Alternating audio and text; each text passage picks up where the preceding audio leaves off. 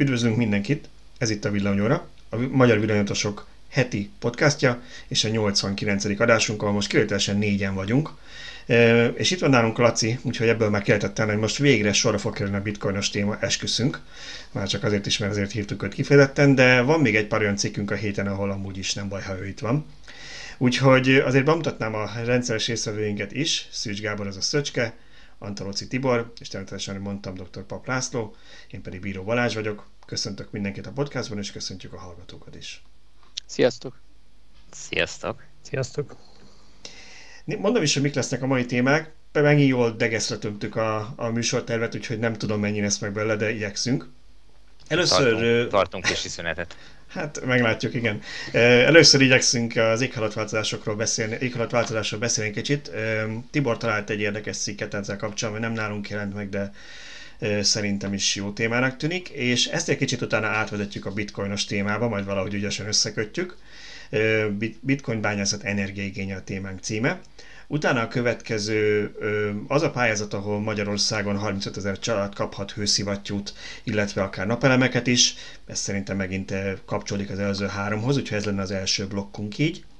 Lesz egy kis vapos hírünk, most nem olcsó autókat mutatunk, hanem lesz egy hírünk az oldalal kapcsolatban. Majd aztán beszélünk kicsit a villanyítós találkozókról is. És a műsor második részében, ez amire találjuk idő, talán nem, beszélünk arról, hogy hogy, hogy is tárolják a atomhulladékot, ha jól emlékszem, Amerikában Laci erről egy cikket. Aztán arról is, hogy mennyire kell aggódni azért, hogy fölrobbannak az autók, miközben töltenek, jó, hogyha valaki kihúzza. És végül pedig ezzel kapcsolatban Japánban már annyira aggódnak, hogy elkezdték leszerelni az elektromos autótöltőket. Úgyhogy szerintem ez elég ambiciózus, hogy ezt mind végigvesszük, úgyhogy kezdjük is. Éghajlatváltozás. Tibor, te találtál ezt a cikket a 24.hu-n. Összefoglalod röviden, hogy miről volt itt ebben szó? Nagyon túl sokat nem akarok beszélni, és nem is erre emelném ki, a, vagy nem is ezt emelném ki, hogy éghajlatváltozás, hanem az, hogy van ennek a folyamatnak azon kívül, amit minden nap beszélünk, egy olyan hatás, amit szerintem nagyon kevesen gondolnak át. De kell vajon én sem nagyon foglalkoztam ezzel eddig, ezzel a részével. Mégpedig az, hogy ha élhetetlenné válik a bolygónak egy bizonyos része, tehát azok a akár tengerparti területek, ahol amik víz alá kerülnek, vagy azok a területek, amik elsivatagosodnak, és emiatt a az ott termelt növényeket már nem lehet a korábban megszokott technikával, öntözéssel akárhogy megtermelni, akkor azok az emberek, akik ott élnek ezeken a területeken, ők el fognak indulni a világnak abban a részébe, ami még élhető. Nyilvánvalóan mindenki a saját életéért megy, és, és hát ez óriási, soha nem látott migrációhoz vezethet. Ezt pedzegeti a cikk a, a, a legvégén, és hát ez tényleg egy elgondolkodtató dolog, hogy, hogy ma még nagyon pici változtatás kellene relatíve ahhoz képest, ami változtatást azt fog igényelni, hogyha több milliárd ember megjelenik mondjuk Európában. Nyilván ez túlzás, nem fog több milliárd ember megjelenni Európában, de, de szóval 10 milliók indulhatnak el különböző helyekre a nagyvilágban. Nagyon vidám témával kezdjük ezt a mai adást, úgyhogy ha valaki úgy érzi, hogy nem elég depressziós, akkor, akkor gondoljon ebbe egy kicsit bele, meg el. Nekem az jutott eszembe, hogy talán még emlékeztek a hát nem tudom hány éves az a film, de nem mai, a 2020 című katasztrófa filmre, ahol egy ilyen jégkorszak köszönt be a világra. Nemrég ismételte valamelyik csatorna, és oda kapcsoltam, és láttam be egy kis részletet, és abban volt egy ilyen jelenet, ami még mai szemmel nézve is így érezni az iróniát, amikor Észak-Amerika, tehát az USA lakói indulnak fel meg Mexikó felé, mert annyira hideg van már az usa hogy nem lehet élni, és elindulnak Mexikó felé, ugye, ami egy elég erős kontraszt a mai helyzethez képest, és azért megy tárgyalni az amerikai elnök a mexikai elnökkel, hogy hagy menjenek be az amerikaiak Mexikóba. Igen, csak az a helyzet, hogy ez nem film, meg nem science fiction, hanem, hanem ez effektíve valóság. Tehát, hogy, hogy itt a, a cikk Madagaszkárt mutatja be, hogy, hogy bizonyos területeken éheznek az emberek egyszerűen azért, mert már évek óta csökken a termés, és uh, egyszerűen nem tudják megtermelni az alapvető élelmiszerekhez szükséges növényeket se. Tehát, hogy hogy mondjunk egy kedves részletet ebből a cikkből, nekem az, az a, nyilván ez a legilyen, hogy mondjam, blikfangosabb része, de hogy a gyerekek sáskát esznek, mert hogy már nincsen élelmiszer? Hát valami rovarokat most nem tudom, hogy nyugodt pontosan, de hogy um, tényleg ez, és, és egyébként ez a nyugati világnak a szégyene, hogy, hogy ilyen megtörténhet. Most uh, egy 25 milliós országról beszélünk, aminek egy déli tartománya az érintett, hogyha jól emlékszem, nem, nem most olvastam a cikket, de uh, itt néhány millió emberről lehet szó, akit, akit így kellene segíteni itt a bajból, és most nem vagyunk ehhez, vagy erre képesek. Uh, nem tudom, 400 milliós Európa, meg 300 milliós Amerika. Miközben közös erővel tesszük tönkre az ő éghajlatukat hát, is. Tehát nekik azért van ez a gondjuk, mert mi olyan szívesen az elmúlt 50 évben telengedtük az autóinkkal a levegőt részben. Hát legalábbis jelentős. Üvegházhatású gázokkal. Igen. Meg az Nekem az, engem azt fogod meg ebből a cikkből, hogy ők maguk nem tehetnek erről, mert a világ széndiokszid kibocsátásának ők valami egy tized százalékáért felelősek. Egész Madagaszkár, tehát valami nagyon-nagyon elhanyagolható rész. Igen. Míg a fejlettebb országok közül egy hasonló népességű ország az egy másfél százalékért felelős, tehát lényegesen nagyobb részben Igen. felelős. Náluk még egyelőre nincs probléma, és azt hiszik, hogy ők majd nem látják meg ezt a problémát. Lehet, hogy nem éhezésben fogják meglátni, hanem valóban migrációban. Igen, és most itt nem arról van szó, hogy a migránsok ellen akarunk priogatni, tehát távol álljon tőlünk, hogy itt ez, ez én, lenne én... a cél. Egyszerűen ez egy, ez egy probléma, tehát hogy uh, amivel foglalkozni kell. Nyilván uh, ez akár ugyanúgy velünk is megesett, hogyha valami miatt Magyarország lehet, hogy nem a környezeti hatások miatt, hanem egyéb miatt élhetetlenné válik, akkor lehet, hogy Egyéb... is pakolni kell.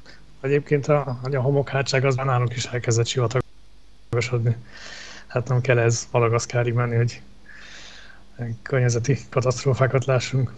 Hát én nyilván bármi, bármi előfordulhat, tehát most az ország közepén ott van Paks, nyilván nem akarok semmivel riogatni, de mondjuk ahogy amilyen terület Csernobilnál lakhatatlanná vált, gyakorlatilag egész Magyarország lakhatatlanná válhatna egy nukleáris baleset esetén.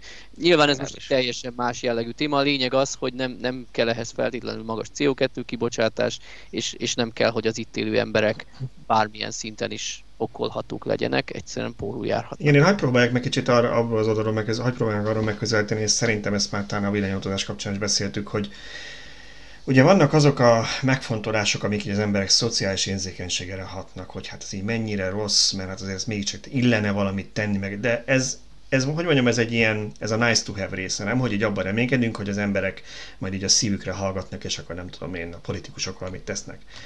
Világítsuk meg ezt az önzőbb részből. Tehát egy darab bolygó van, egy légköre van, és itt minden összefügg. Összefügg abban, hogy ha ők elindulnak, akkor hova fognak menni, vagy más, más népek hova fognak menni, és amit itt láttunk mondjuk egy háború kapcsán a közel hogy milyen ö, vándorlás indult meg Európa felé, az, az semmi ahhoz képest, mi akkor történik, hogyha itt országok válnak lakhatatlanná.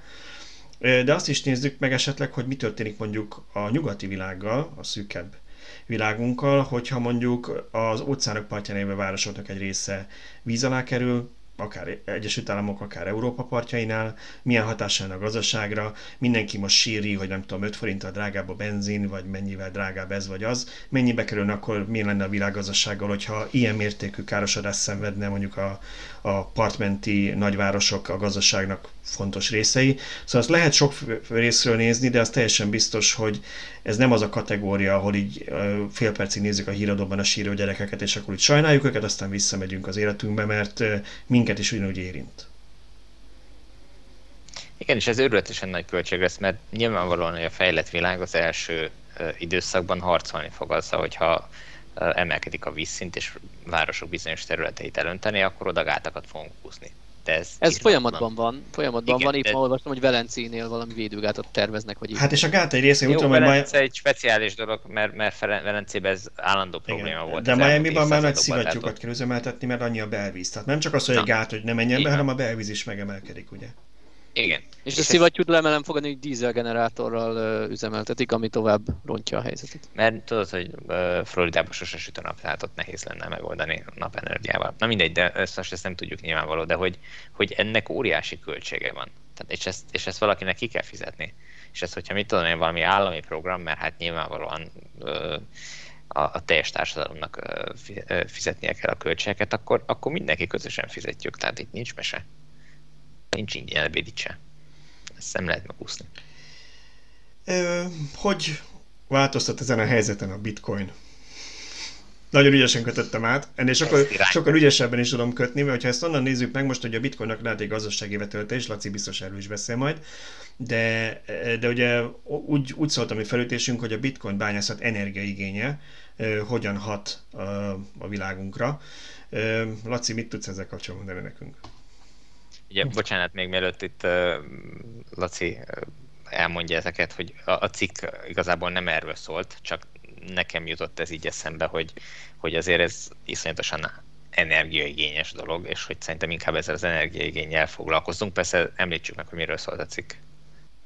Az a cikk arról szólt, hogy ugye Amerikában már egy jó pár éve szenvednek az atomerőművek, mert nem nagyon tudnak versenyezni a, a, az olcsó palagázzal, meg a megújulókkal, és hát a sok be is zárt már, illetve némelyik meg állami támogatást kapott, és így tudott fennmaradni.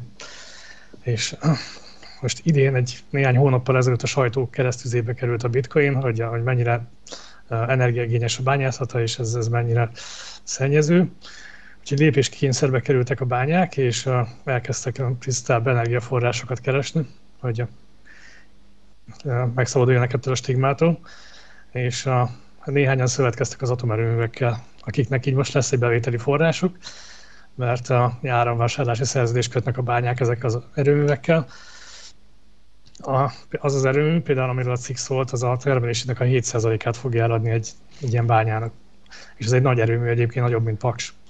Hát rengeteg energiáról van szó. Egyébként azt, De remélem legalább a szervertermet konkrétan oda teszik az atomerőmű blokkja mellé, hogy legyen szállítási veszteség. Egyébként igen, tehát a, amiről én írtam, az az erőmű mellé fog épülni, és be lesz húzva a vezeték az erőműbe. Tehát ez nem papíron fog atomenergiát venni, hanem tényleg a reaktorból fog származni. Laci, abban egy kicsit segíts nekünk, mert én sose tudom, hogy hogy lőjük be az olvasók, hallgatónak a tájékozottságát, abban, ami nem tisztán villanyatos, nyilván miket önök olvassak, akik ezt, ezt a témát valamennyire ismerik, de mondjuk a bitcoin kapcsán miért van ekkor energiaigény, mit képzeljenek el itt el a hallgatók, olvasók? Igen, hát sokan úgy gondolják, hogy a bitcoin az csak egy internetes pénz, és akkor az mennyire nem hatékony, hogy ilyen sok energiát fogyaszt, és bezzeg, amikor a, a hitelkártyájával fizet valaki, akkor az alig, alig igényel egy kis energiát. De hát ennél azért sokkal árnyaltabb a kép, mert a, a bitcoin az több, mint egy internetes pénz, inkább egy monetáris rendszer. És a, hát, ha nagyon röviden össze akarom foglalni, akkor a jelenlegi monetáris rendszerünk, ez a fiat pénz, ez inflációra épül aminek az a lényege, hogy évről évre kevesebbet ér a pénzet, tehát nem az, az érdeket, hogy megtakaríts, hanem az, hogy, hogy minél gyorsabban elköltsd. Uh, tehát ez a vedd meg, használd, dobd el, és vedd meg a másikat. Ez pörgeti a GDP-t. És ez a, igen nagyban hozzájárul ez a környezeti katasztrófához, amiről az előbb is a, szó volt, meg az, hogy mennyi hulladékot termelünk, mennyi energiát pazarolunk el. Szerintem valahol itt gyökerezik a, a fogyasztói társadalomnak ez a ez a jellege. És a, a bitcoin az a, meg ennek az ellenkezője, mert az deflatórikus. Tehát itt a, egyre többet és többet fog érni a bitcoinot, mert ezt, azt nem lehet nyomtatni. Ez fix limitált, hogy hány darab bitcoin fog létezni, egyébként 21 millió, és már ebből kibányáztak 10, közel 19 milliót. Tehát itt abban vagy érdekelt, hogy, a, hogy ne költsd el a pénzed a fogyasztási cikkekre, hanem hanem takarítsd Ez meg. hogyan van limitálva, Laci? Ez, ez, ez kihatározta meg, hogy miért, miért van meghatározva? Ez, ez, ez egy algoritmus, tehát ez a, úgy mondjuk, hogy a matematika törvényei. Uh, és pont ezért kell hozzá sok energia, mert ahhoz, hogy ezt megváltoztassák, hogy a, a rendszert manipulálják, hogy belenyúljanak, hogy valaki ugyanazt a bitcoin kétszer el tudja költeni, a társadalmi kapacitásnak a több mint a felét meg kéne szereznie, és az elszükséges áramot is biztosítania kéne és most a, bitcoin, ugye azt írtam, hogy a, a világ áramfogyasztásának a fél százalékát adja, ez nagyjából egy ilyen 80-100 terawattóra. Körülbelül egy a világ, bocsánat, a világ teljes áramfogyasztásának a fél százalékát már igen, bitcoinra ez, használjuk el. Igen, az nagyjából annyi, mint Finnországnak a, az éves fogyasztása. Sok. Igen, de, mint mondtam, a bitcoin az megtakarításra össze. Ezt én is láttam magamon, meg másokon is, hogy hogy van egy adott keretem, és akkor lehet, hogy annak egy részét elkölteném valamire, amit aztán kidobnék, vagy csak valami szolgáltatás igénybe venném, és azt mondom, hogy nem, hanem ezt inkább félreteszem, miért költsem el ma, hogyha holnap sokkal többet fog érni. És ne, így egy csomó fogyasztásról lemondok.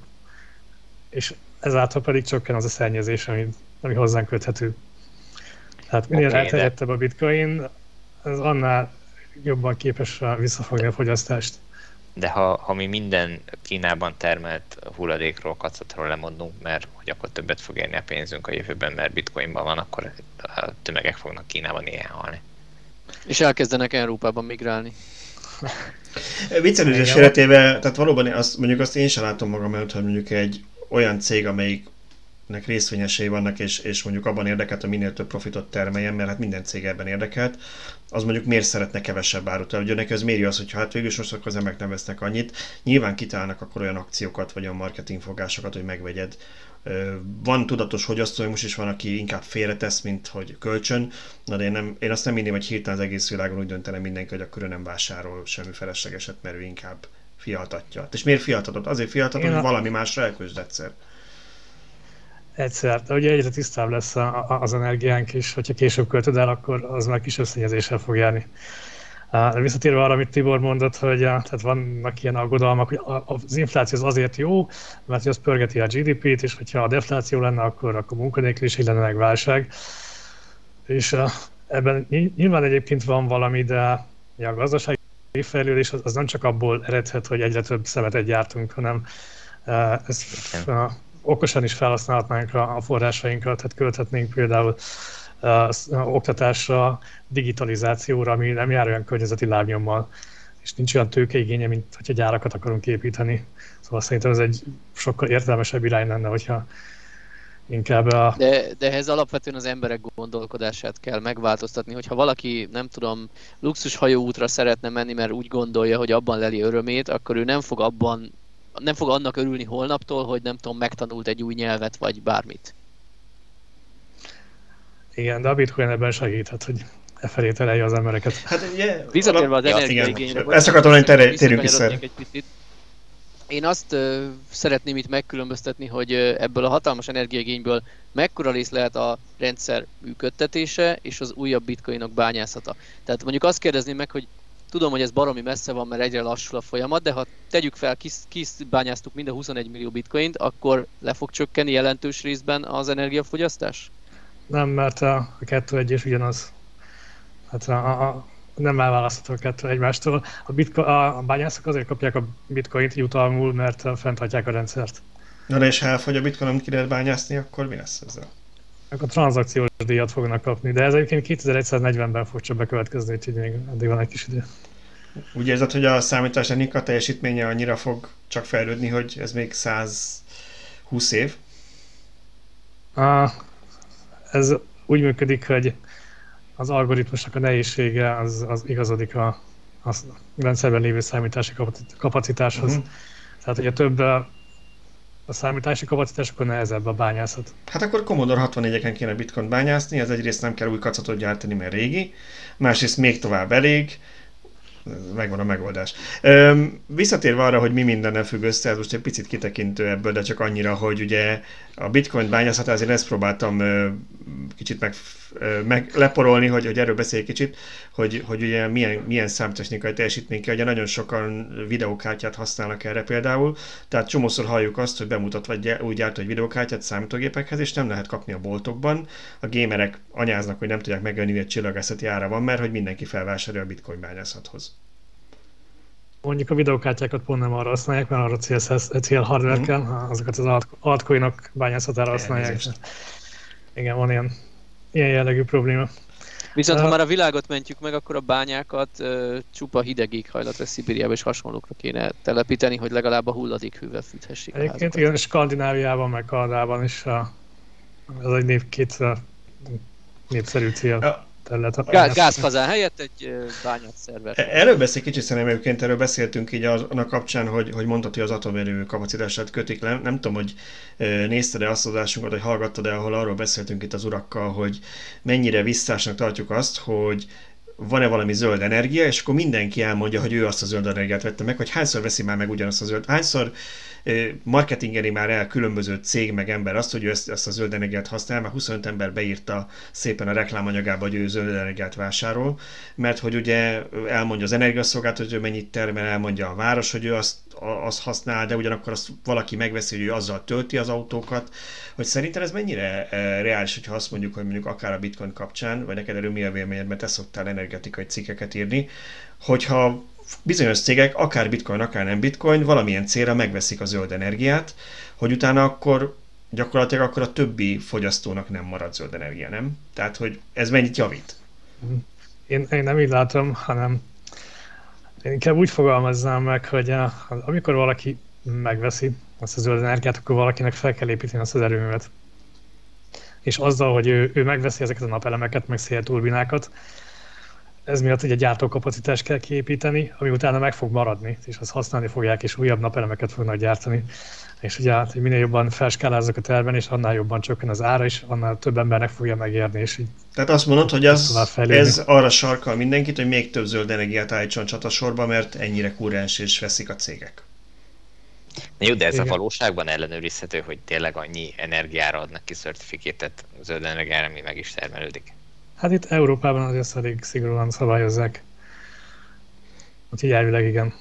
És van, nem tudom, van, hogy, hogy Kínában ez hogy működik, de, de Európában azért szerintem igen. Van, van erre valami weboldal, ahol lehet ellenőrizni, hogy nem tudom, ennek a naperőműnek a, az energiájából, mit tudom én, mennyit adtak el, zöld, tehát ilyen zöld certifikét. Hát ilyet azért nem ismerek, de ez szerintem inkább valami állami feladat lehet.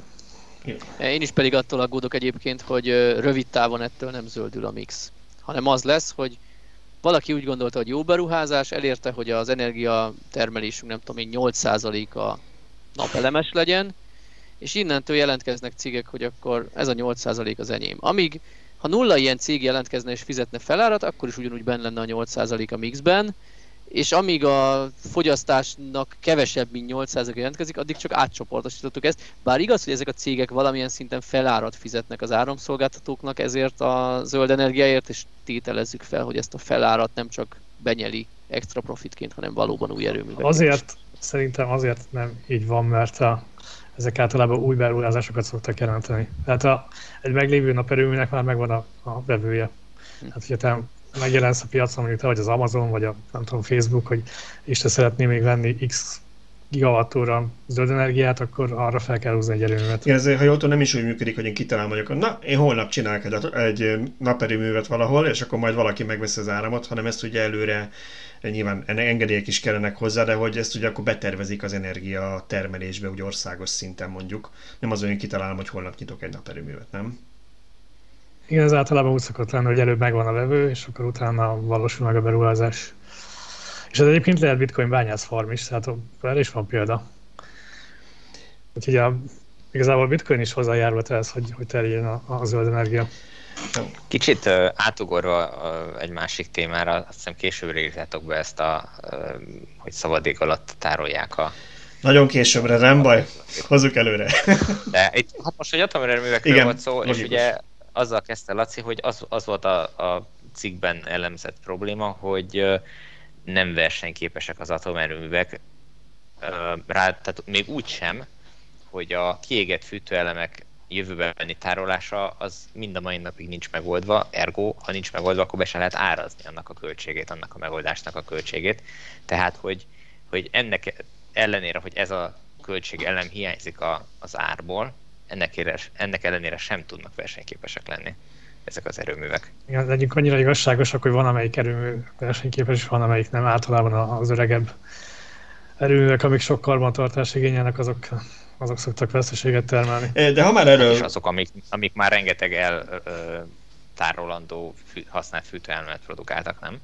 Uh, ez, ez, a probléma inkább akkor jelentkezik, amikor bezárt az erőmű és lebontották, és, és nem tudják hol vinni a kiégett fűtőelemeket mert hogy nem készült el az a végleges tároló, amit már 20 éve el kellett volna készíteni, és politikai csatározások miatt nem készültett el. Ezt akartam kérni, Laci, egy kicsit akkor ezt így magy- magyarázzuk el, mert megint csak nem tudni, hogy kinek mennyi háttérinfoja van erről. De ha már ugye ezt a témát Tibor előre azt is egyébként én is be, beírtam egyébként ezután, hogy erről kellene beszélni, hogy jó, hogy eszedbe a Tibor. Szóval, hogy, hogy ugye kétfajta fűtőelemtárolásról beszélünk, nem? Legalábbis amire én emlékszem még ilyen iskolai tanulmányok kapcsán van. Egyszer a, ez a rövid távú, vagy ilyen középtávú, nem tudom mi a pontosan, majd elmondod, amit általában az erőmű területén, vagy ahhoz közel valahol megoldanak, és aztán van, van a hosszú távú, amikor ezeket el kéne vinni, mondjuk bedobni valami nagyon mély gödörbe, amit mindig azt mondják, hogy valami hegynek a gyomrába vagy biztos megoldják. Én úgy tudom, hogy magyar fűtőelemeket eddig Oroszországba vitték, ha jól emlékszem és hogy ez a második az, ami nincs mindig megoldva, csak így elméletben létezik, ezt mondod, hogy, hogy nem mindig épül meg. Ugye? Igen, hát van egy átmeneti tárló az a helyszínen a szokott történni. Ez Magyarországon is így van, Paksnál is? felteszem, hogy ott kezdik a tárlás, és utána viszik át Bátalpátiba. Oda, tudom, nem a fűtőelemeket, hanem az olyan alacsonyabb aktivitású hulladékot, mint felszerelés, meg, meg ruhák, meg ilyesmi. Uh-huh. Uh, és ugye a kiégett fűtőelemeknek a végleges elhelyezés az elvileg a, a föld alatt történik nagyon mélyen. És ugye az USA-ban ott már vannak olyan erőművek, amik, amiket lebontottak.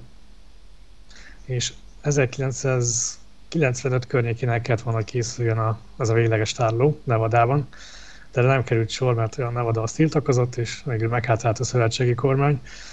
Úgyhogy a, most a hulladékot a lebontott erőműveknek a, a telephelyén tárolják, úgynevezett száraz a konténerekben, ami vasból meg betonból áll, és a szabad ég alatt őrzik fegyveresek, mert ugye hát nem lenne jó, hogyha ez illetéktelen kezekbe kerülne és nincs hova szállítani.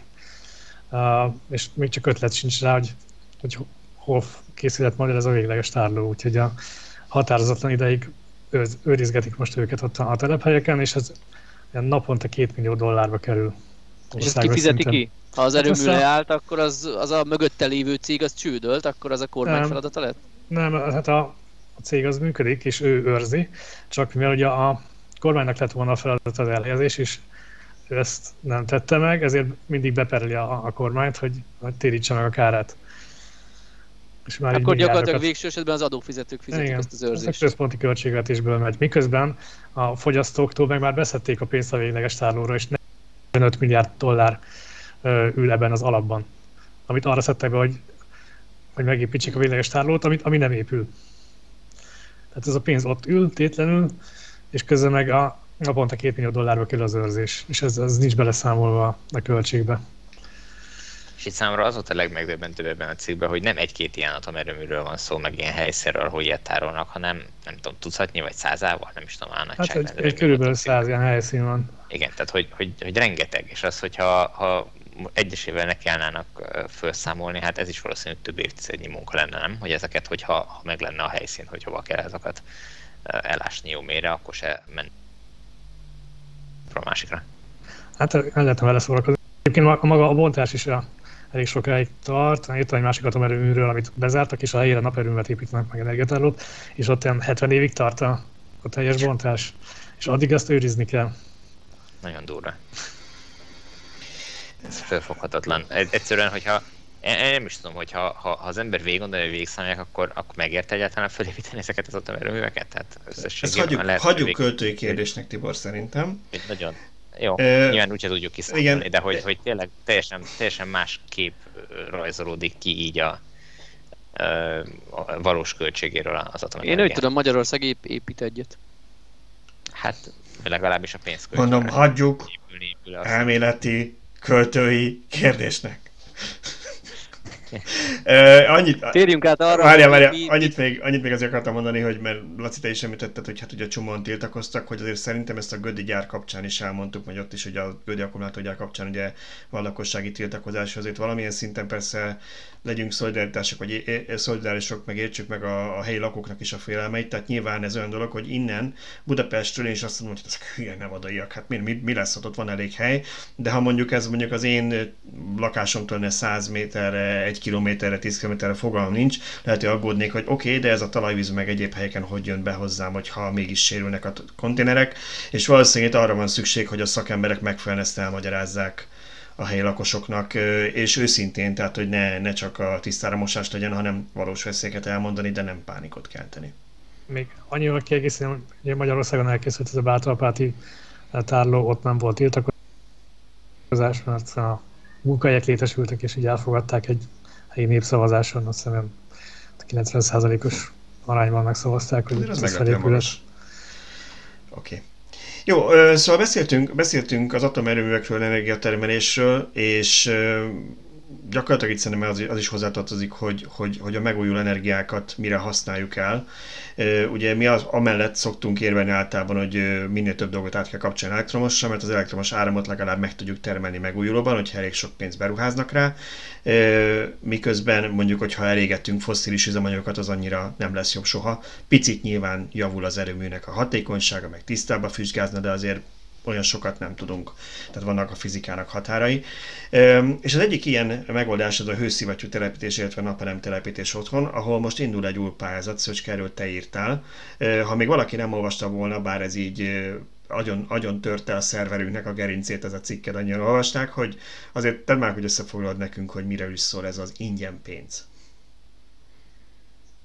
ingyen pénz lesz, lehet, hogy Biztos. 5000 családnak jut ingyen pénz, és amikor én legutoljára láttam az olvasottságot, akkor 35 ezeren olvasták, tehát minden család tőlünk értesült erről a hírről. Min- mindenki, aki megpályázta tőle, tudta meg, hogy megpályázta, igen. Így van, nem tudom, hogy számolták ki, ilyen 3 és 11 és fél millió forint körüli összegre pályázhat egy család, és a, több dologra lehet pályázni. Lehet külön napelemes rendszerre, ez így viszonylag egyszerű, illetve lehet ilyen komplex rendszerekre pályázni, hogyha valakinek van vizes központi fűtése már kiépítve, tök mindegy, hogy ezt egy vegyes kazánnal vagy egy gázkazánnal fűtötte eddig, ő pályázhat egy olyan csomagra, hogy napelemet kap, kérhet hozzá akkumulátor, tehát ugye ezt a majdani bruttó elszámolást is kicsit kivédve, illetve hőszivattyús fűtésre is átállhat. Akinek pedig nincs, kifiz- nincs kiépítve még a, még a folyadékos fűtési rendszere, ő infrapanelekre vagy valami hasonló ellenállás fűtésre, ami mondjuk nem annyira jó szerintem, mint a hőszivattyú, de mindegy, szóval erre, erre is tud pályázni így egy csomagban. Alapvetően örülünk, hatalmas pénzről van szó, 200 milliárd forintról, amiből talán 40 milliárdot ad a magyar állam, az összes többi az az Európai Uniós Covid helyreállítási alapból Azt származik azt hittem egy ilyen összehasonlításra mondani, hogy mi mindent lehetne csinálni ebből a pénzből. Nem, ezt mágában sincs kiszámolni, hogy hány Tesla vásárlót lehetne a gazdagoknak támogatni ebből. Egy dolog, ami miatt én annyira nem örülök, az a százszázalékos támogatottsági arány. Mert én úgy gondolom, hogy amivel az embernek nem kell oda tenni a saját kis részét, legyen az a kis rész tényleg kicsi, hogy tényleg a rászorulót támogassuk, legyen 10-20% az önrész, de ha nincs önrész, akkor nem mindig észszerűen költik el a pénzt, nekem ez a fő gondom. Tehát teszem azt, nekem a szomszéd fenyőfái árnyékolják a tetőmet, sose fog semmit termelni a napelem, de ingyen van felrakom. És nem tudok a szomszédra hatni, hogy vágja ki a fenyőfáit. Mondtam egy rossz példát, vagy van egy olyan rosszul szigetelt uh, házam, ahol horribilis számlám a most jelenleg ami a fűtésre fordítok, horribilis összeget fordítok a fűtésre. Na most ide hiába fogok betenni egy hőszivattyút, ugyanúgy horribilis marad a fogyasztás, tehát e- észszel előbb hőszigetelni kéne, bár az előbb kifelejtettem, hogy tulajdonképpen az ablakcsere is a program része, a homlokzati hőszigetelés nem, de az a, a nyílászáró csere az igen.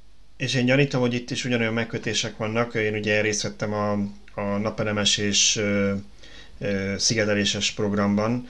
Tehát ott is az volt, hogy egy energetikusnak kellett a szakvélemény alátámasztani, tehát ő megmondja, hogy felméri, hogy most mi a házadnak a szintje, és minimum mennyire kell jutni, hogy támogatható legyen. Tehát simán lehet, hogy azt mondják, hogy ha, nincs, ha nem vállalt be a szigetelést is, akkor, akkor nem fogod elérni ezt a szintet, ergo nem fogják arra támogatni, hogy te a világot fűtsed vele.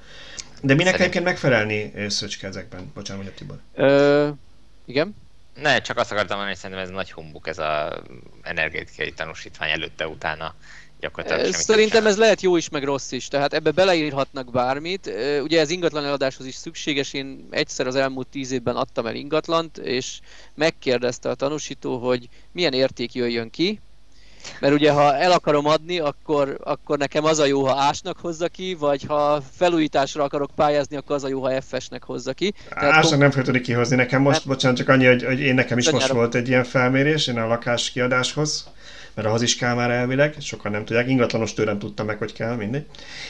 És ott az, ott az volt, hogy kijött az energetikus úriember korombeli srác, egy olyan Hát ugye 7 és fél percet töltött a lakásban, fordítta az adatokat, majd este megkaptam tőle PDF-ben a minősítését. Úgy volt, hogy az enyém is azt CC-s lett, és ez a C ez ilyen rossznak tűnik, de annál magasabbat nem kaphat olyan a házasszem, aminek nincsen valami megújuló saját termelése, vagy ilyen egyéb dolog, és ugye a, a társasháza, ahol a lakásom van, az nem ilyen. Szóval az, az A az valószínűtlen, de egy C-t azt ki lehet hozni, igen.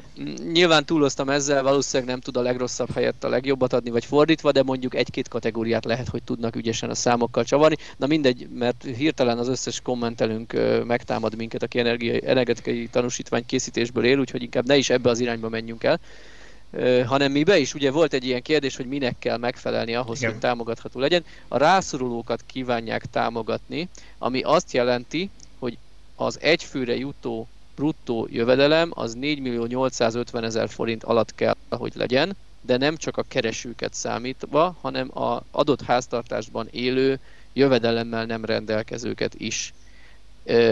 Tehát, ha a, van három gyerekem, meg vagyunk ketten keresők, akkor már öttel kell osztani, de ha még a nagyi is nálunk él, akkor feltételezem már hattal is oszthatjuk a, a bruttó bevételünket. A bruttó bevételnél elő van írva, hogy elő kell vennem a 2020-as adóbevallásom, és ott a összevont jövedelem, azt hiszem ez a sor neve, azt kell leosztani a lakók számával.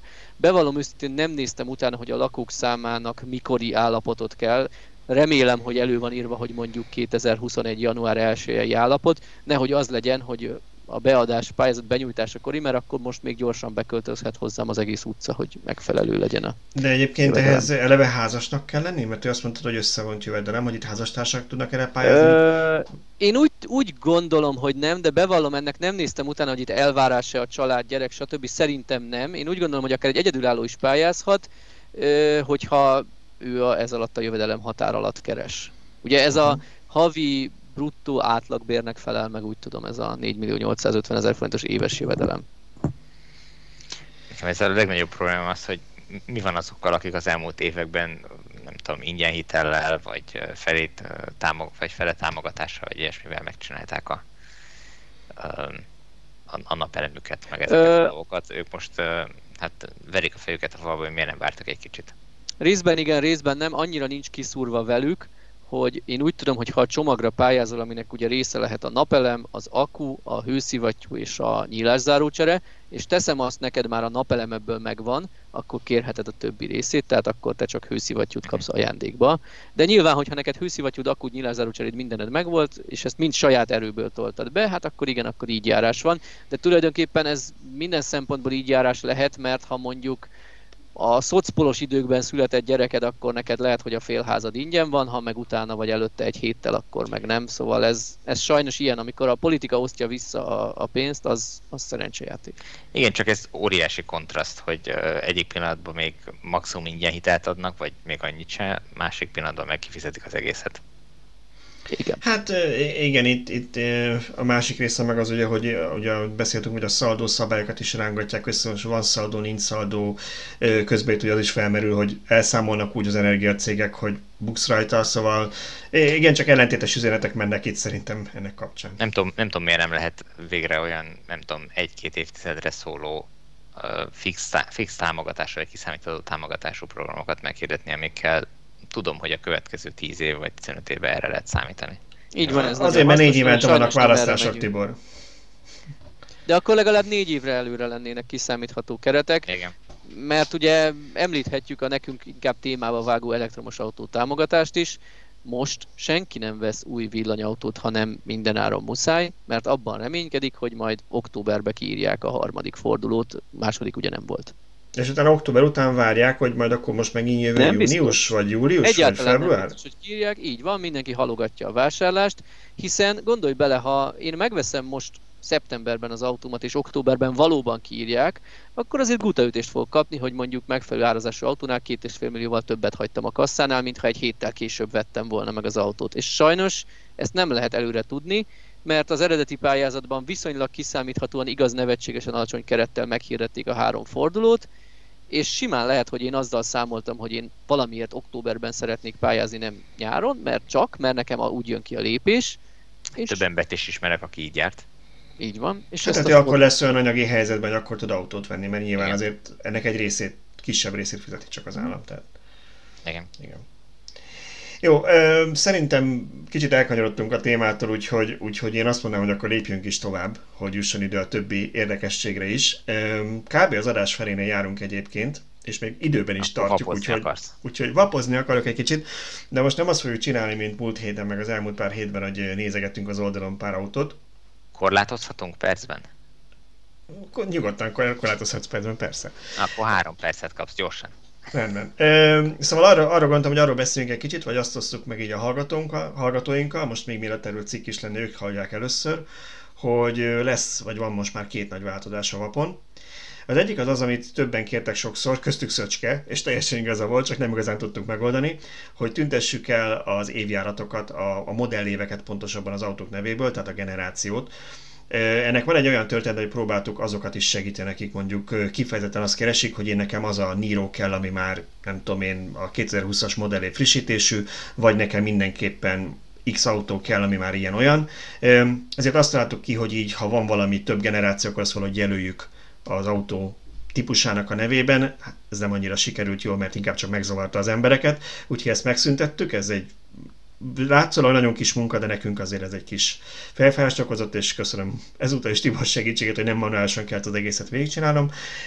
Úgyhogy ez megtörtént, hogy aki most fölmegy a vapra, az már nem látja ezeket a számokat, ellenben azt látja a típus nevében, hogy az a konkrét autó milyen évjáratú, ami valószínűleg kicsit jobban segít.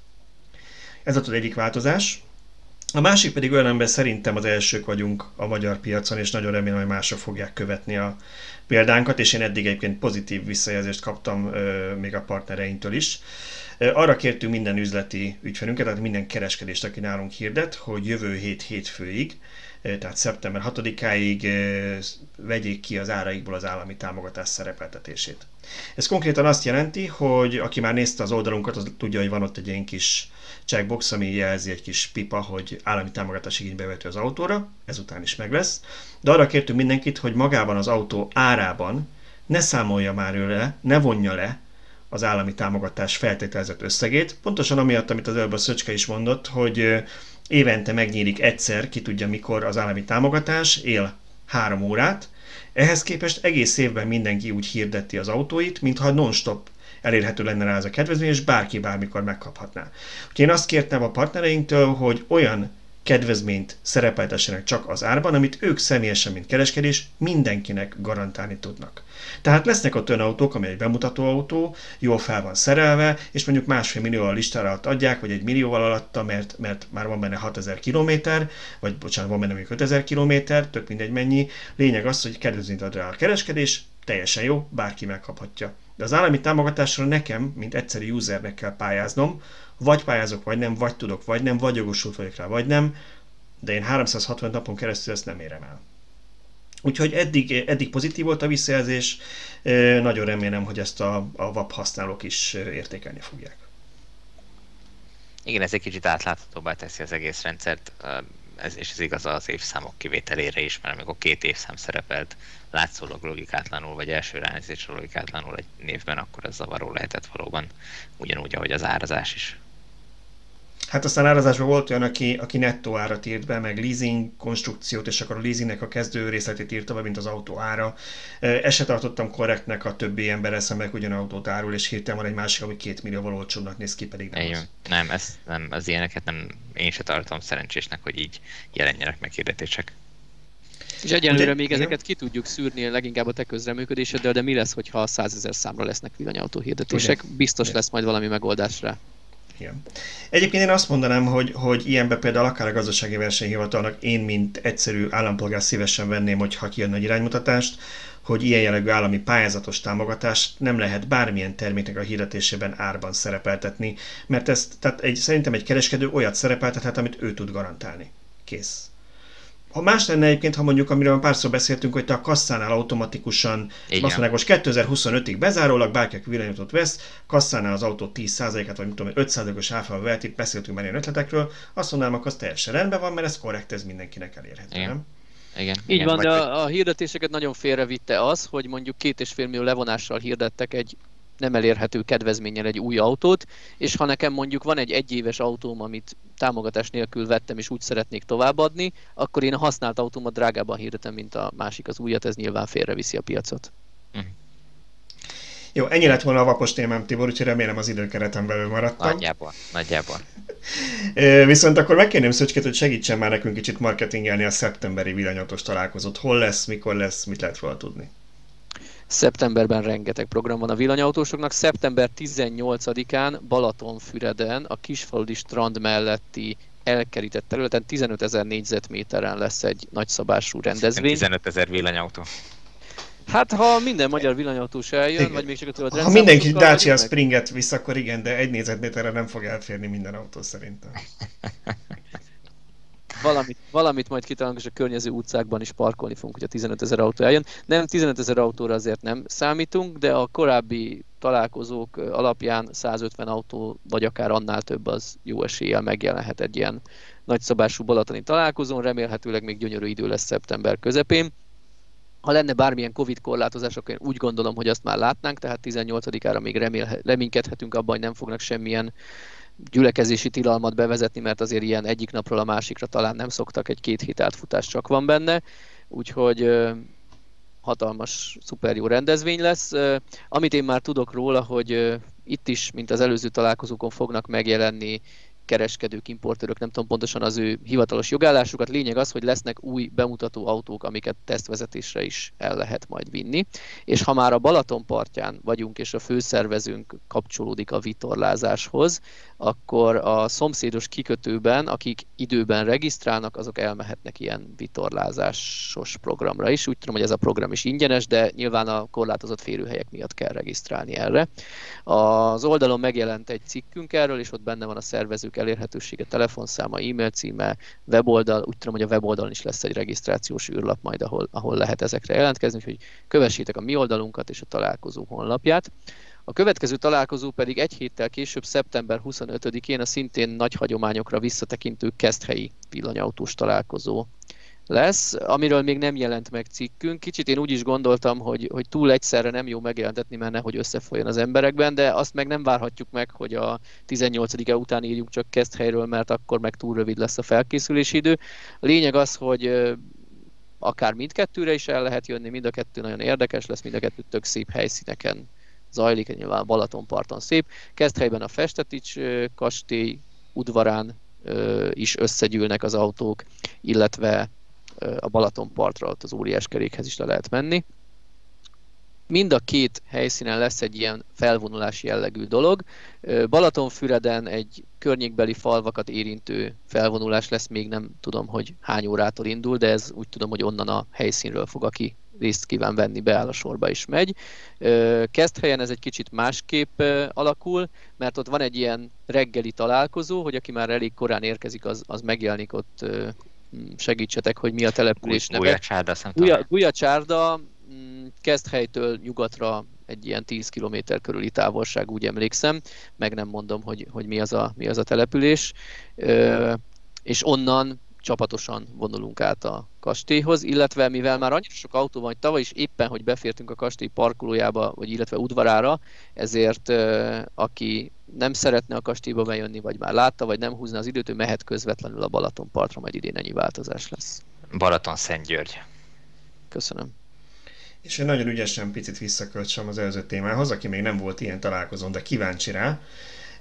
Az, ha felmegy a vapra, van egy olyan menüpont fönt, hogy rólunk, ahol leírjuk, hogy az oldal, oldalról miket kell tudni, és annak az összes kép, ami ott háttérkép meg illusztráció, az mind a, mind a tavalyi vagy tavaly előtti kezdhelyi találkozó képeiből loptam, amikor az oldalt raktuk össze. Ott nagyon jól látszik, hogy hogy néz ez ki, hogy mennyire sok autó van. Tényleg olyan, mint hogyha egy valami hatalmas autós kiállítás lenne, rengeteg autó volt és rengeteg érdeklődő. Nagyon impozáns ott a kastély kertjében, úgyhogy szerintem mindenki nézze meg, aki kíváncsi, hogy milyen, milyen egy ilyen, aztán pedig menjen ki a találkozókra. Akinek még nincs olyan autó és nem villanyítozik, annak szerintem ez azért egy ö, óriási lehetőség, mert olyanokkal tud beszélni ott kötetlenül és nyugisan, akik már akár évek óta használják az adott típust. Tehát, hogyha ha, ha van egy elképzelés, hogy milyen autót keres az ember, akkor ott effektív azokkal el lehet beszélgetni, akiknek van tapasztalata már annak a típusnak a használatával. Igen, hát ez a népítélet live, úgyhogy élőben lehet a tulajdon sokkal beszélgetni róla. Így van, így van, és vissza lehet kérdezni, ez tök jó, mert nem, nem csak egy irányú a kommunikáció, hogy, hogy leírja a, a felhasználó, hogy neki mi a tapasztalata, hanem vissza lehet kérdezni, hogy na és ilyen szituációban mi van. Úgyhogy ezek tényleg szerintem is hasznosak. Oké, okay, hát köszönöm szépen a kert csinálót mindkettőtöknek, és akkor szerintem menjünk tovább, van még egy pár rövidebb témánk. Az, e, az első itt a sorban az, az, az én tollamból született, kicsit abszurdnak tűnik, meg megmosolyogtató is, de aztán úgy gondoltam, hogy annyiszor érezzük azt, hogy nekünk így küldetésünk, hogy a hülyeségeket meg a tévhiteket eloszlassuk az elektromos autózással kapcsolatban, hogy beszéljünk erről egy kicsit. Konkrétan az történt, hogy Amerikában, és most legyünk jó hiszeműek, hogy egy jó szándékú hölgy vagy úr ő látta, hogy egy Tesla tölt egy töltőn, és elkezdett aggódni, mert ő úgy olvasta az interneten, hogy ezek az autók, hogyha túltöltik az akkumulátorokat a hőségben, akkor kigyulladnak. Ezért gyanítom, hogy valószínűleg a vész, vészlátóga megnyomás után kihúzta, és szegény sofőr mire visszament, azt találta, egyrészt nem töltött a kocsia, másrészt ott volt egy üzenet neki a töltőnyírás alatt angol nyelven, ami gyakorlatilag erről szólt, hogy Nézzél utána az interneten, ezek a kocsik kigyulladnak, ha túltöltöd az akkumulátorát. Tesla tűz, keressél rá. Ami hát persze lehet jókat mosolyogni, de szerintem egy, egy pár percet azért megér, hogy beszéljünk hogy ez mennyire valós történet, és mennyire kellett őt tartani. Ha valaki egy villanyautót lát tölteni az út szélén, akkor oda menjen és a világot megmentve kihúzza a töltőről. Én nem, nem azt kérdezem, hogy mennyire valós és mennyire rémizgetés, hanem hogy mennyire valós és mennyire megrendezett. Nem lehet, De azt hiszed, hogy ez, ez egy megrendezett történet volt, hogy valaki magának hát írt egy tudom. ilyen üzenetet, hogy én figyelj, te jártál Amerikában, szerinted ez úgy nincsen benne? Hogy ez megtörtént? Hát lehet, hogy az a néni, aki három évtizede berakta a mikróba a. Simán, ugyanaz, igen. Figyelj, most már jól, jól él, jól él abból a, a kompenzációból, a mikrogyártójától kapott, mert nem ő volt a hülye, hanem a mikrogyártója, hogy nem írta nem szabad a macskát abban melegíteni, és az elgondolkodott, hogy veszel villanyótot, utána olvasott, és megijedt elképzelhető, tehát hogy nem, nem kizárt dolog, de azért, hogy mondjam, bízom benne, hogy egyeti esetről van szó. Szóval azért, hogy beszéljünk a valóság alapjáról, természetesen léteznek, voltak olyan tüzek, amik abból adott, vagy úgy történtek, hogy közben az autó töltött. Ez lehet akár a töltő hibájából, lehet bármilyen elektromos tűz, lehet az autó töltője, tehát a töltőosztop, az autó töltője, vagy a kábelsérül, tehát biztos vannak ilyenek elenyésző mértékben, de ezek nem abból adódnak, hogy túl töltődik az akkumulátor, tehát abban gondoljunk bele, hogy bármilyen elektromos eszközünk van otthon, ami akkumulátoros, mobiltelefon, laptop, nem tudom, meg annyi kütyű a lakásunkban, ami aksis, ezeket nem tudjuk töltölteni. Ha bedugva hagyjuk a telefont egész éjszakára, az maximum nem tesz túl az akkumulátornak, mert mindig egy picit rátölt, amikor már épp kezdene lemerülni, és nem fogja segíteni a hosszú élettartamát, de nem fog kigyulladni. Ezt a töltők meg az, a, a, a vezérő szoftver szabályozza. Tehát ettől senkinek nem kell tartania, hogy ha lát egy villanyautót, ami tölt, akkor az egyszer csak túl fog tölteni és kigyullad. Erre rímel egy sztori, amit egy mérnöktől hallottam, hogy egy napelem az nincs rákötve a hálózatra, és kint van a napon, akkor attól károsodik. Hát, igen, Na és károsodik? Már. Laci, károsodik? Ne csak hagyjuk így a levegőbe, károsodik? Természetesen nem. Mi történik az energiával? Hova vándorol? Bitcoin bányászatba biztos. nem vándorol sehova, csak feszültség alatt van a tábla.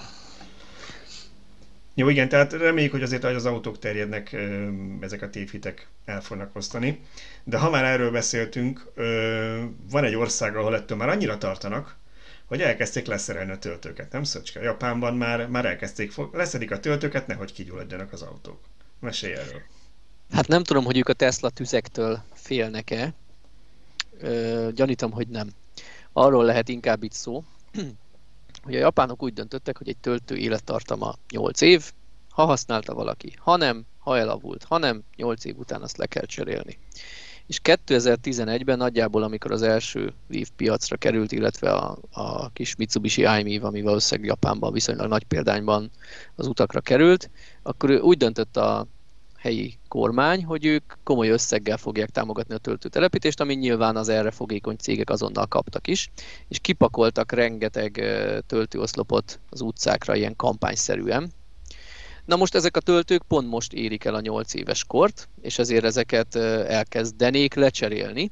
Viszont a gyakorlati tapasztalat azt mutatja, hogy az általuk kalkulált tempónál lassabban váltanak a japánok elektromos autóra. A jelenlegi állománynak kb. 1%-a, ami, ami elektromos is használhatja ezeket a töltőket. Így elkezdtek szelektálni, hogy azokra a töltőkre, aminek nagyon alacsony volt a kihasználtsága, oda, oda nem tesznek ki egy újat, hanem azt egyszerűen leszerelik. És így eljutottunk odáig, hogy 10 év alatt folyamatosan nőtt a töltők száma, ilyen 30 ezer néhány százat elért a 2020 tavaszára, és most 2020 tavaszától 21 tavaszáig 29 ezer néhány tehát körülbelül 1000 darabbal csökkent a töltőszám. Ez nem jelenti azt, hogy akkor mostantól meg fog állni a növekedés, úgyhogy ugyanis a következő 5 évre ilyen 100 ezres példányszámú bővítéseket tervezgetnek, de valamiért úgy gondolják, hogy most a 8 éves töltőket ott le kell szerelni. Hát a japánok szeretik a szabályokat, ha valaki azt mondta, hogy az 8 év, akkor az 8 év. Döbbenetes ez a gondolkodásmód, hogy ugye nem várják meg, hogy elrohadjon, hanem hanem karban tartják, rendben tartják, ha eléri a hasznos élete végét, akkor fogják és leszerelik és lecserélik, hogyha szükséges. Igazából nem tudom eldönteni, ez nekem tetszik, vagy nem. Üzembiztonság szempontjából tök jó, de rengeteg szemetet gyártunk egy ilyen mentalitással. Um, Mennyi a MÁV, nem? Vagy más, más, bármi más ilyen magyar cég, ahol Nyilván lehet a, másik, lehet a másik véglet, de Persze. úgy gondolom, hogy ha ott van egy töltő, amelyik 8 éves, jelenleg alig használják, tehát valószínűleg nem kell a helyére ultratöltőt tenni, akkor, akkor tulajdonképpen miért nem maradhatna ott, ha úgyis alig használja valaki, megvan a kiépített kapacitás, neki minden, minden szempontból az ott rendben van. Hát, ha véletlenül a jövő héten arra téved valaki, akinek jól jönne, és, és az már ott volt, azt már nem kerül komoly pénzbe azért, mert, azért, mert rendszerben gondolkodnak, és, és nagy valószínűséggel látják azt, hogy egy egységes rendszert üzemeltetni sokkal olcsóbb és hatékonyabb, mint hogyha ha mindenféle vackokból összetákolt ö, rendszerről van szó, amihez mondjuk mit lehet, hogy egy régi töltőhöz kétszer olyan gyakran kell, vagy minden egyes töltés után ki kell menni egy szakembernek, hogy gatyába rázza, hogy újra lehessen indítani utána a töltést, és az nyilván senkinek nem jó.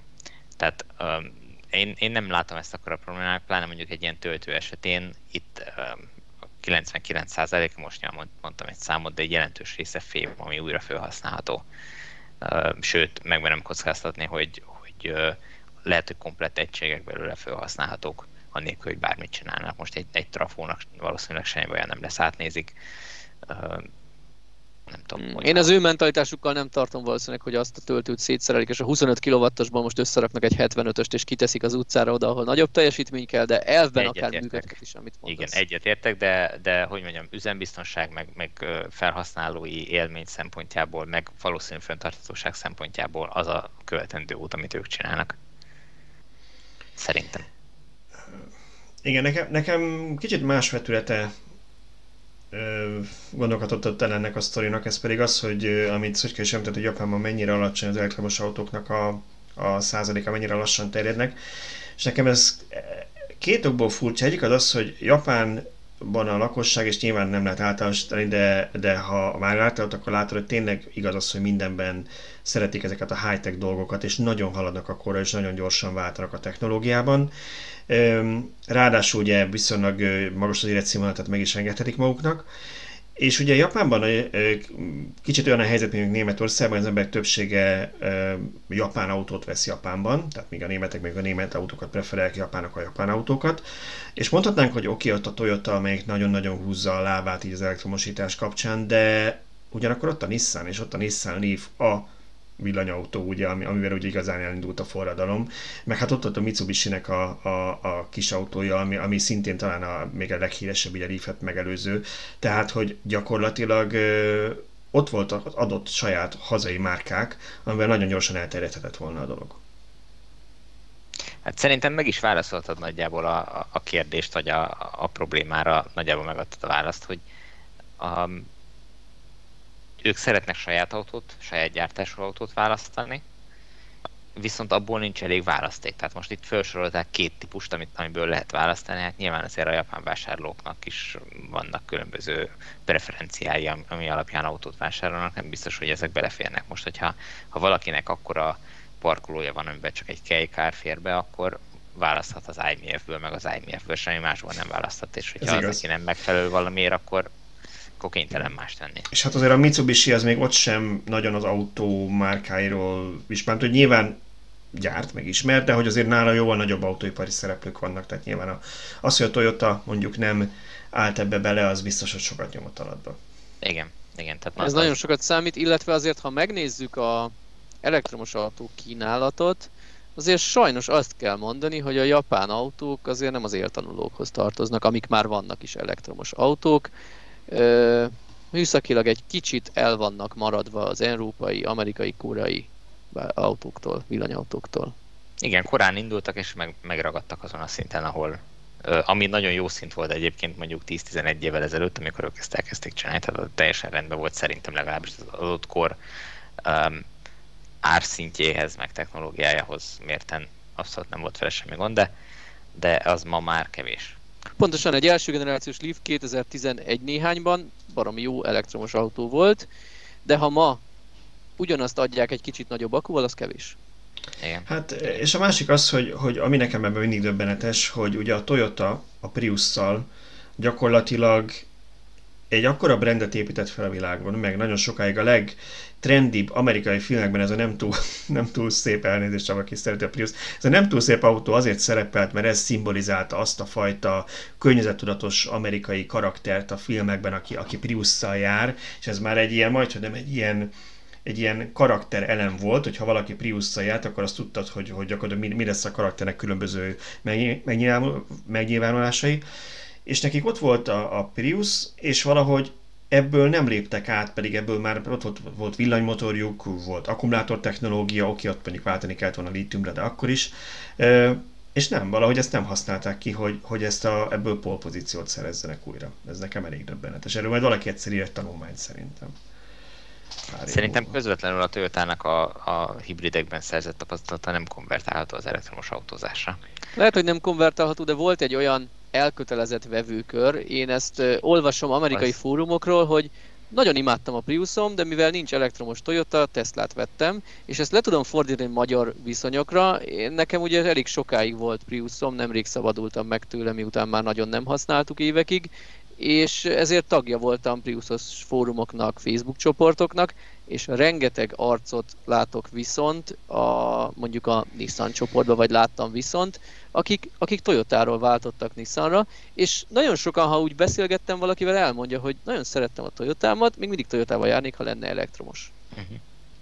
Igen, igen, az biztos, hogy ki lehetett volna használni üzletileg ezt, hogy nekik már van egy ilyen vevőkörük, de az a helyzet, hogy ezt még még mindig ki tudják használni, hiszen még mindig a legnagyobb autógyártó a világon, vagy az egyik legnagyobb Persze, a hajó nem ment el teljesen, csak, csak, csak úgy fura, hogy, hogy elengedték ezt az előnyöket, ami, ami lett volna, akár ugye, rendben, ugye akár... Itt, meg, itt megvan az, hogy megjelent Európában is a Lexus UX 300E nevű modelljük, ami igazából nem rossz, nem rossz, de a mai mezőnyben egy kicsit kevés. Tehát hát ott, hogy 50 kW-os... Igen, igen, 50 kW-os villámtöltése van, meg valami 50 kWh körüli akukapacitás. Ez nem hát azt mondom, hogy főleg, gáz, de azért nem felel meg a mai elvárásoknak. Főleg ugye, hogy a Lexus brand az ugye a luxus márkája a Toyotának, tehát ott abban a prémium szegmensben ő, ő még csak nem is azt mondjuk, hogy azokkal versenyez, akik mint tudom én, a olcsó PSE autók, hogy most 50-es aksival jöttek ki, mert, mert azt mondjuk lehet, hogy egy Toyota modellel meg lehetett volna játszani, de szerintem a Lexusnak nem az a versenytársa. Így van. Na ja, hát ennyit a, ennyit a japánokról, és akkor egy nagyon éles váltással, egy plusz bónusz témánkhoz, mert jó fiúk voltunk és beleférünk az időbe. Porsche Taycan. Tibor, külföldön jártál, Porsche Taycan-t láttál, mesélj, mi történt? Az a régi autó, mit tesztelsz a régi autókat? Hát nem a Porsche Taycan, hanem a Taycan Cross Turismo-nak uh-huh. van most a bevezetési időszaka. Most érkezett meg. Ez tulajdonképpen a kombi Taycan, hogyha úgy magad elé képzeled. Tehát az Európában az első hangzik, kombi, kombi elektromos Porsche. autó az egy Porsche lesz? Hát Jól nem az első, mert, a, mert az MG-nek ugye volt ez a kombi. UK-ben úgy tudom, hogy még, még csak jobb kormányosban létezik, de igen. Igen, tehát hogyha a kontinens nézed, igen, ami, ami akár nálunk is megvásárolható, akkor az a Porsche Taycan kombi Porsche Cross Turismo a, a, neve. Hát ez egy ilyen nyilván csúfolódás ez a kombi, mert nem kombiról van szó, ez egy kicsit puposabbra vett uh, Porsche Taycan, ami, ami annyit tesz, hogy, hogy végre van normális fejtér a hátulülőknek is, meg, meg normálisan pakolható csomagtartó, nem csak egy kis szűk keresztül, mint hogy a Model 3-at is lehet pakolni, hasonló volt a Taycannak is a csomagtér kialakítása, és hát nem volt túl nagy a csomagtér maga. Úgyhogy kinyitották egy kicsit nagyobbra a hátsó ajtót, és, és csináltak belőle egy, egy élhetőbb autót. illetve hát megemelték egy kicsit a hasmagasságot, meg, meg mit tudom én, extra karosszéria díszítő elemeket kapott, amik ö, megvédik a kavics felverődéstől, mert hát feltételezik, hogyha valaki ilyen aktív életmódot folytat, hogy neki ilyen autóra van szüksége, akkor ő olyan terepre is el fog az autóval jutni, ahol előfordulhat, hogy felverődik a kavics. De azért gondolom ez nem, nem terepre való még, csak maximum mondjuk, ha egy murvás úton mész végig, akkor nem leizzadsz, hogy mennyit karcoltál össze a kocsiból, hanem vannak Pontos. olyan műanyag elemek, amik védik ezt. Van, van, van rajta gravel mód, tehát hogy ilyen oh. kavics vagy murvás útra való mód, ami uh, nagyon ügyesen a kipörgésgátlót áthangolja, a torque vectoringot áthangolja, tehát mindent áthangol az autón, hogy abszolút illeszkedjen a laza útburkolathoz. Um, hát most volt lehetőségünk az eredeti tájkánt is kipróbálni, ez egyik délután és a következő délelőtt meg a, a cross turizmot. Most élményben a kettő között nyilván nincs sok különbség, mert mit tudom, egy tized másodperc különbség van a gyorsulásban, ami hát mondjuk 2,8 vagy 2,9 másodperc, hát na, oly mindegy, hogy, hogy mennyi. De hát ez, ez az autó, ez ön és közveszélyes, tehát hogy ez, ez, ez katasztrófa, ezt nem szabad emberek kezébe kiadni. Tehát, hogy, hogy e, a, nyilván ugyanez van a, a Tesla a pléddel is, vagy pleddel, vagy akárhogy is ejtjük, de, de, de ez, ez már tényleg nagyon, nagyon veszélyes. Hát elkezdesz gyorsítani vele, és pillanatok alatt vagy két-háromszáz méterrel arrébb, ahol az ott közlekedők azt hitték, hogy ők még át tudnak sétálni az úton előtted, vagy, vagy át tudnak menni a kereszteződésen, de nem, mert te már ott vagy a következő szempillantásnál. Egyébként csak, hogy egy kicsit kapcsoljam kurens témához, ami, ami heti eseménye voltam ezen a bizonyos Ford sajtóeseményen, ez a vezetésbiztonsági programjuk, és ott is szó volt erről, hogy most már beemelték az elektromos autókat a témába, és az egyik ilyen aspektusod az, hogy ha elektromos autó jön veled szembe, akkor mire kell készülni, például, hogy hangtalanul nagyon gyorsan ott tud lenni. Ez egyébként akár egy gyalogosnak is lényegi információ, de másik autósnak is, aki úgy szám, hogy ő még ki tud jönni, mert az még úgyis távol van, és nem biztos, hogy fel van arra kész, egy villanyautó milyen gyorsan Hogyne, hogyne. Nagyon-nagyon gyakori a mindennapos életben, hogy sávot váltanak oda, ahova én érkezem. Uh-huh. És, és én nem Porsche Taycannal járok, csak egy átlagos elektromos autóval jó azért a jelenlegi azért 200 lóerő, de én, én nekem pont a Fordos esemény, rögtön, hogy Fordos eseményről visszajövet, láttam olyan dolgokat, hogy pont vezetésbiztonság technikai történt jöttem vissza, és pont egy, egy fehér níró jött mögöttem elég dinamikusan, és hát bizony le kellett kotrodnom, a, a, csak előztem, tehát nem belső sávba gyógyultam bele, de le kellett kotrodnom a belső sávban, mert hát a kolléga úgy érezte, hogy azt, azt a villanyautót lehet tolni, és tolta is, úgyhogy, úgyhogy egy níró is azt gondolná az ember, hogy ez egy ilyen kis családi autó, ilyen békésnek néz ki, nem egy, nem egy tájkar, ami letépi a fejed, de, de azért az is tud menni. Gyorsan menni sok minden autó tud, inkább az az érdekes, hogy milyen hirtelen váratlanul Igen. tud megérkezni egy üres Igen. helyre. Tehát Igen. mondok egy példát, balra kanyarodnak, megyek a belső sávba, előlem balra kanyarodnak, és amikor ő bekanyarodott, akkor én adok egy nagy gázt, és hirtelen behozok három autónyi lemaradást, viszont előtte ott volt egy üres hely, és a külső sávból páran úgy gondolták, hogy ők oda besorolnak, de hoppá, én már ott vagyok, amikor ők még megnézték, hogy nem vagyok ott. Tehát inkább ez a hirtelen váratlan dinamizmus, Igen. amire nincs felkészülve Igen. még a közlekedők jelentős része. Igen. Szóval a Taycan kapcsán arról azt mondtad, hogy, hogy életveszélyes, nyilván ezt viccelődve értetted, de, de valamilyen szinten komolyan, mert... mert Ez félig meddig komoly, de... Nem kell hozzá versenyző jogosítvány, és olyan teljesítménye van, nem? Pontosan, így van. Tehát olyan, olyan egyszerű emberek, mint én, simán nyilván nem tudok kifizetni 80 millió forintot egy autóért, tehát ez valamilyen szinten megszűr, de attól, mert sok pénzem van, nem biztos, hogy tudok vezetni. Tehát nem, a kettő nem jár feltétlen együtt és olyanok is megkapják ezt a teljesítményt a, a, a kezük alá, és ezt mondom nem csak a Taycan, hanem ugyanúgy igaz a, a, a legerősebb Teslákra is, hogy olyanok ülhetnek ilyen autókba, akiknek nem biztos, hogy kellene, vagy nem biztos, hogy felelősséggel tudnak ezzel bánni. és hát értsük ide most az újságírókat is, akik életükbe egyszer egy fél délelőtre vagy délutánra kapnak egy ilyen autót, hát természetesen megpróbálják kielvezni a... Na, összetörted vagy sem, mondjad? olcsón megúszta a Porsche. De viszont az, az elnézést nem fog, nem akarok nyílt sebeket, vagy alig begyógyult sebeket feltépni, Tibor. De nálad volt nemrég egy Audi, egy nagyon sportos Audi, aminek szintén elég nagy a teljesítménye, mondjuk egy ilyen Audi e-tron GT-hez viszonyítva. Egy ilyen Taycan, te mint mezei, ember nyilván azért sok autót vezettél, de nem, de nem vagy autóversenyző, te is érzed a különbséget gyorságban, dinamizmusban, szerintem a kettő között nem igazán van különbség, ez ugyanazokon az alapokon működik. Most lehet, igen, igen, igen. Most az a baj, hogy nem emlékszem, hogy a, a, a az e-tron GT az, az a, melyik Porsche-nak felel meg, de valószínűleg mit tudom De szerintem ők testvérek valahol, igen. Igen, igen, igen. Tehát mit tudom, az alapmodellnek felel meg. Tehát nem az ID4-nek a testvére, hanem a Porsche-nak az az Audi e-tron GT. Pontosan így van, így van, így van. Tehát ezek, ezek nagyjából ugyanazt tudják, meg amennyit kb. két órát tudtam vezetni a, a, az e-tron GT-t, itt városban abszolút nem huligánkodtam vele, tehát még csak egy igazát jó, jó gyorsulni se tudtam vele, de hogy ö, nem, nem hiszem azt, hogy jelentős különbség van a kettő között. Itt most a Porsche-val volt lehetőségünk, ö, kivittek Csehországban a, a vidék, egy vidéki kis környezetbe, ahol ö, relatíve kis forgalom mellett kis kanyargós utakon lehetett vele csapatni, és hát tényleg nagyon élvezetes volt majd nem tudom, mennyi fénykép fog majd érkezni rólunk a, a Porsche fotógyűjteményébe a helyi rendőrségtől, ez majd elválik, reméljük nem fizetetik ki, mert akkor sokba fog kerülni, de, de toltuk neki rendesen. Az van, hogy annyira megrémültük attól, mennyi téma van, hogy teljesen sikerült civilizált keretek között tartani a műsor hosszát, úgyhogy máskor is ezt fogom csinálni, hogy belepakolok háromszor annyi témát, mint ami normális esetben belefér, és akkor nem, nem pofázunk fél órát egy-egy témáról, hanem szépen dinamikusan, mint egy Porsche, végig szágódunk ezeken. Úgyhogy nagyjából itt van vége. Bárkinek bármi olyan extra témája van, most itt a lehetőség a bónuszra, mert még van esetleg egy pár percünk, amiről szeretnétek, hogy beszéljünk most. Igen, igen, igen, igen. Na mondjad. Mindenképp szeretnék, nézzetek az órára, maximum 5 percet szánunk rá. Fel kell tüntetni szeptember végétől az elektromos autó töltőkön igen. is, meg egyébként a benzinkutakon is, hogy mennyibe kerül 100 kilométert autózni az adott töltőoszlopról betöltött energiával. Mit gondoltok erről? Reális lesz? Működhet? Ér bármit? Hogy kezdjem én, aztán én ezt be is fejezem.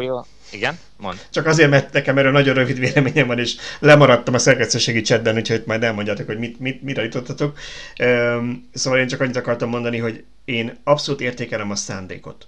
Tehát én ezt bármit is fogtok mondani, én a szándékot értékelem, mert szerintem fontos, hogy az emberek tudják, hogy, hogy ez mégis, hogy merre hány méter, és erről már többször beszéltünk házon belül is, hogy jó lenne valami olyan mértékegységet kitálnunk a teszteknél, ahol nem csak azt mondjuk, hogy milyen gyorsan tölt egy autó, vagy mennyit fogyaszt, hanem a kettő kombinációját, hogy mondjuk mennyi idő nekem 1000 kilométert megtennem, mint Björnnek ez 1000 kilométeres tesztje, és akkor az a kettőt kombinálja.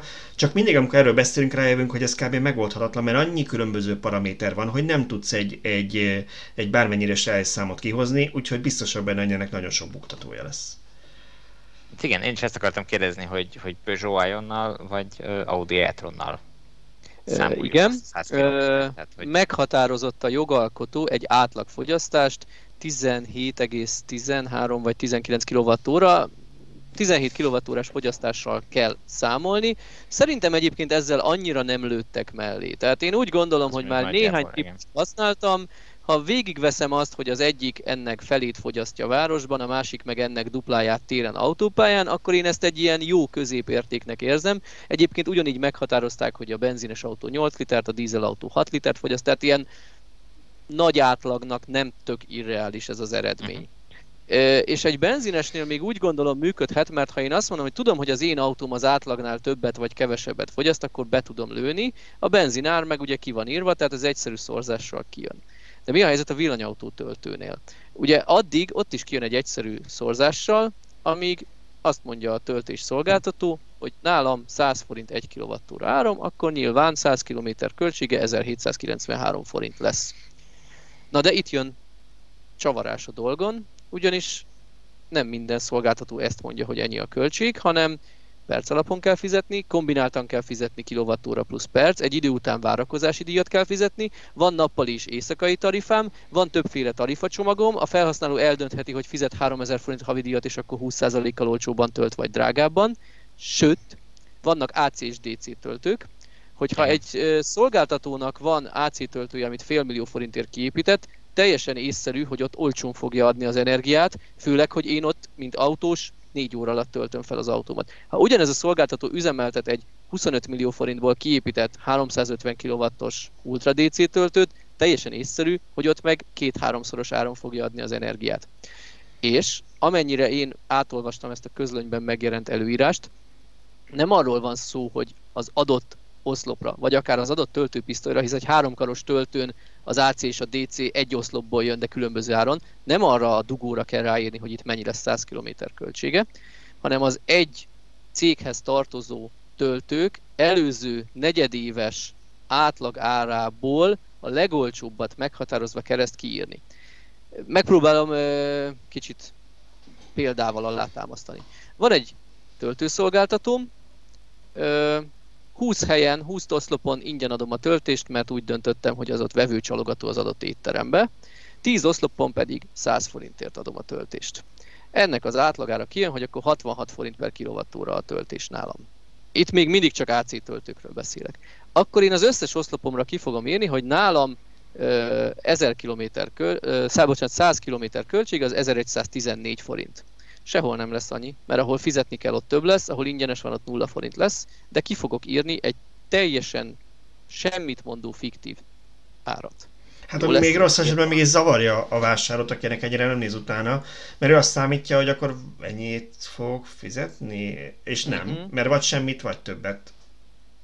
Vagy Így kevesebbet, van. de nem annyit. Hát jó lenne azt látni, hogy a jogalkozónak mi volt a célja, amikor ezt az egészet kitalálta. Tehát, hogy egyáltalán miért merült föl az, hogy szükség van egy ilyen kiírásra. Én úgy gondolom, hogy az, az, az ugyanaz lehet, amikor árulnak fogkrémet kis és nagy tubusban, és a tudatos vásárló az a mobilján elővette a számológépet, és leosztotta gramra az árat, és megmondta, hogy ezt veszem, mert úgyis nekem tök mindegy, hogy két kicsit vagy egy nagyot veszek, és akkor olcsóbban kapom magát a fogkrémet. Ez tök jól működött, ami ki kell írni az egy kiló kenyér árát, stb. De ott már kezdett zavar lenni az előbe, amikor ki kell írni, hogy gramra hány forint a tojás mert hát a tyúkok azok az anyjuk úristen itt nem tudnak szabványt tojni. Akár mennyire tréningezik őket, van kisebb meg nagyobb tojás, és ott már kezdett félre menni. Ettől függetlenül még, még mindig egy használható dolog. Én úgy gondolom, hogy ez a töltésnél kicsit olyan, mintha ki kéne írni kilóra a tojás árát, de nem határoznák meg, hogy fű tojásról vagy struc tojásról van szó. Uh-huh. És mi a helyzet a, a benzinkutaknál? Mert ugye ott is ugye arról beszéltünk, hogy ott is, ott is az előző negyedévi, hát a benzinára az hetente változik. Így van. Ö, ott úgy tudom, ha jól értettem, bár bevallom a benzines, és nem annyira olvastam végig, hogy a adott kúthálózat döntése lesz, hogy ő a saját összes kútjának előző negyedévi legolcsóbb ára alapján írja ki, vagy a NAV előző havi ö, üzemanyag hivatalosan meghatározó, a NAV minden hónapban közli, hogy múlt hónapban 367 forint volt a benzin, és akkor ő ezt is feltüntetheti. Nyilván ott sem lesz pontos az érték, hiszen egy, egy hónap, vagy akár egy negyed év alatt 100 forintot is emelkedhet az üzemanyag ára. Na de ha valaki a NAV-ot választja, ami egy érdekes szókapcsolat volt, de ha valaki a NAV árát választja, hogy akkor az egy ilyen átlag az összes kútból. Hát akkor minden kútnál ugyanaz a szám lesz kint, attól függetlenül, hogy mennyi a benzin ténylegesen? Ez is egy érdekes aspektus, igen. Jézus Mária. Szóval igen, Tibor, Tibor pont idézve, mire gondolhatott a költő? Pont azt nem valósítja meg, amire szükség van. Tehát, hogy én mondjuk tudjak választani, hogy én a piros vagy a zöld logós kúton töltsek, mert melyikkel járok jobban. Ez nem fog megvalósulni, mert mindenhol az átlagár lesz feltüntetve. Illetve ugye egy szolgáltatón belül is nem mindegy, hogy autópályán vagy egy kis faluban töltesz, mert egyszerűen mások az árak. Talán, ha, ha, talán arra lett volna jó, hogy össze tud hasonlítani a, a benzines autóval, meg az elektromos autóval történő közlekedésnek az árait, csak hát nem így kellett volna. Hanem ez, akkor... az megint csak lehetetlen, mert az út első szakaszán, hogyha hosszabb útra megyek, akkor otthon olcsó áramból töltök, mondjuk. Útközben töltök egyet nyilvános töltőn, aztán utána meg megint otthon töltöm fel az autót. Várt ki a végét jövőre a villanyszámlát, és kilométerre fizetjük otthon. Na jó, de és akkor még arról nem is beszéltünk, hogy mi van hidegebb időben, ugye megint autótól függ, hogy hőszivattyús, vagy, vagy, vagy fűtőszállal fűt. Én, én az akkumulátor is... El tudom tehát, fogadni. A mert a fogyasztásban a hagyományosnál is benne van, hogy azt, azt tud te, hogy a te autód az átlagnál többet vagy kevesebbet fogyaszt. Ezt még talán el tudom képzelni, hogy ha egy mini autóm van, az valószínűleg az átlagnál jobban fogyaszt, ha egy hatalmas batárom, az meg rosszabbul. Tehát még ezzel a részével ki tudnék békülni. Én inkább a, a kilovattúra ár meghatározása az, ami lehetetlen gyakorlatilag, hogy, hogy bármit is érjen, mert egyszerűen nagyobb a szúrás a reálisan meghatározott árakban is, mint a, mint a, a valósban. Mondok egy, még egy példát, és akkor tényleg befejeztem ezt a témát, és le is zárhatjuk a villanyórát. Ha jól értem, a legolcsóbb árat kell alkalmaznom. Na most, ha én tegyük fel, direkt erre rá akarok játszani, mert azt veszem észre, hogy a vevők figyelembe veszik ezt a kiírt átlagárat, akkor én azt mondom, hogy mostantól az én elektromobilitás szolgáltatómnál van egy olyan díjcsomag, hogy havi 1 millió forint az előfizetési díj, de 5 forint per kilovattóra az ára már. A kutya se fogja kifizetni, de innentől én kiírhatom, hogy 5 forint. Szerintem téged stratégiai tanácsadónak fognak alkalmazni valahol. Azt hiszem ez egy, ez egy megfelelő zárópontja akkor a beszélgetésnek, úgyhogy innentől köszönjük szépen a, a, a különböző szol, töltőszolgáltatóknak a, a kreativitására bízunk, hogy ezt hogyan oldják meg. Légy írjátok ki az e-mail címemet, hogy hol találnak meg, ha alkalmazni és, és, akkor jövő héten meg ismét hárman leszünk, csak Szöcske helyett Laci fog most beugrani. Igen, én nem, hisz, nem hiszem, hogy jól járunk azzal, hogy a Szöcske fog ilyen tanácsokat adni, mert mindannyian drágábban töltünk. Jó, köszönöm szépen, hogy itt voltatok. Laci, neked külön köszönet, hogy csatlakoztál most hozzánk. Remélem, hogy tudtunk olyan témákat is előhozni, ami, ami neked a szakterületed. És köszönöm a hallgatóknak és a nézőknek, hogy velünk tartottak. Jövő héten, ha minden igaz, jön a 90 villanyóra adás, úgyhogy találkozunk egy hét múlva. Sziasztok! Sziasztok! Sziasztok! Sziasztok!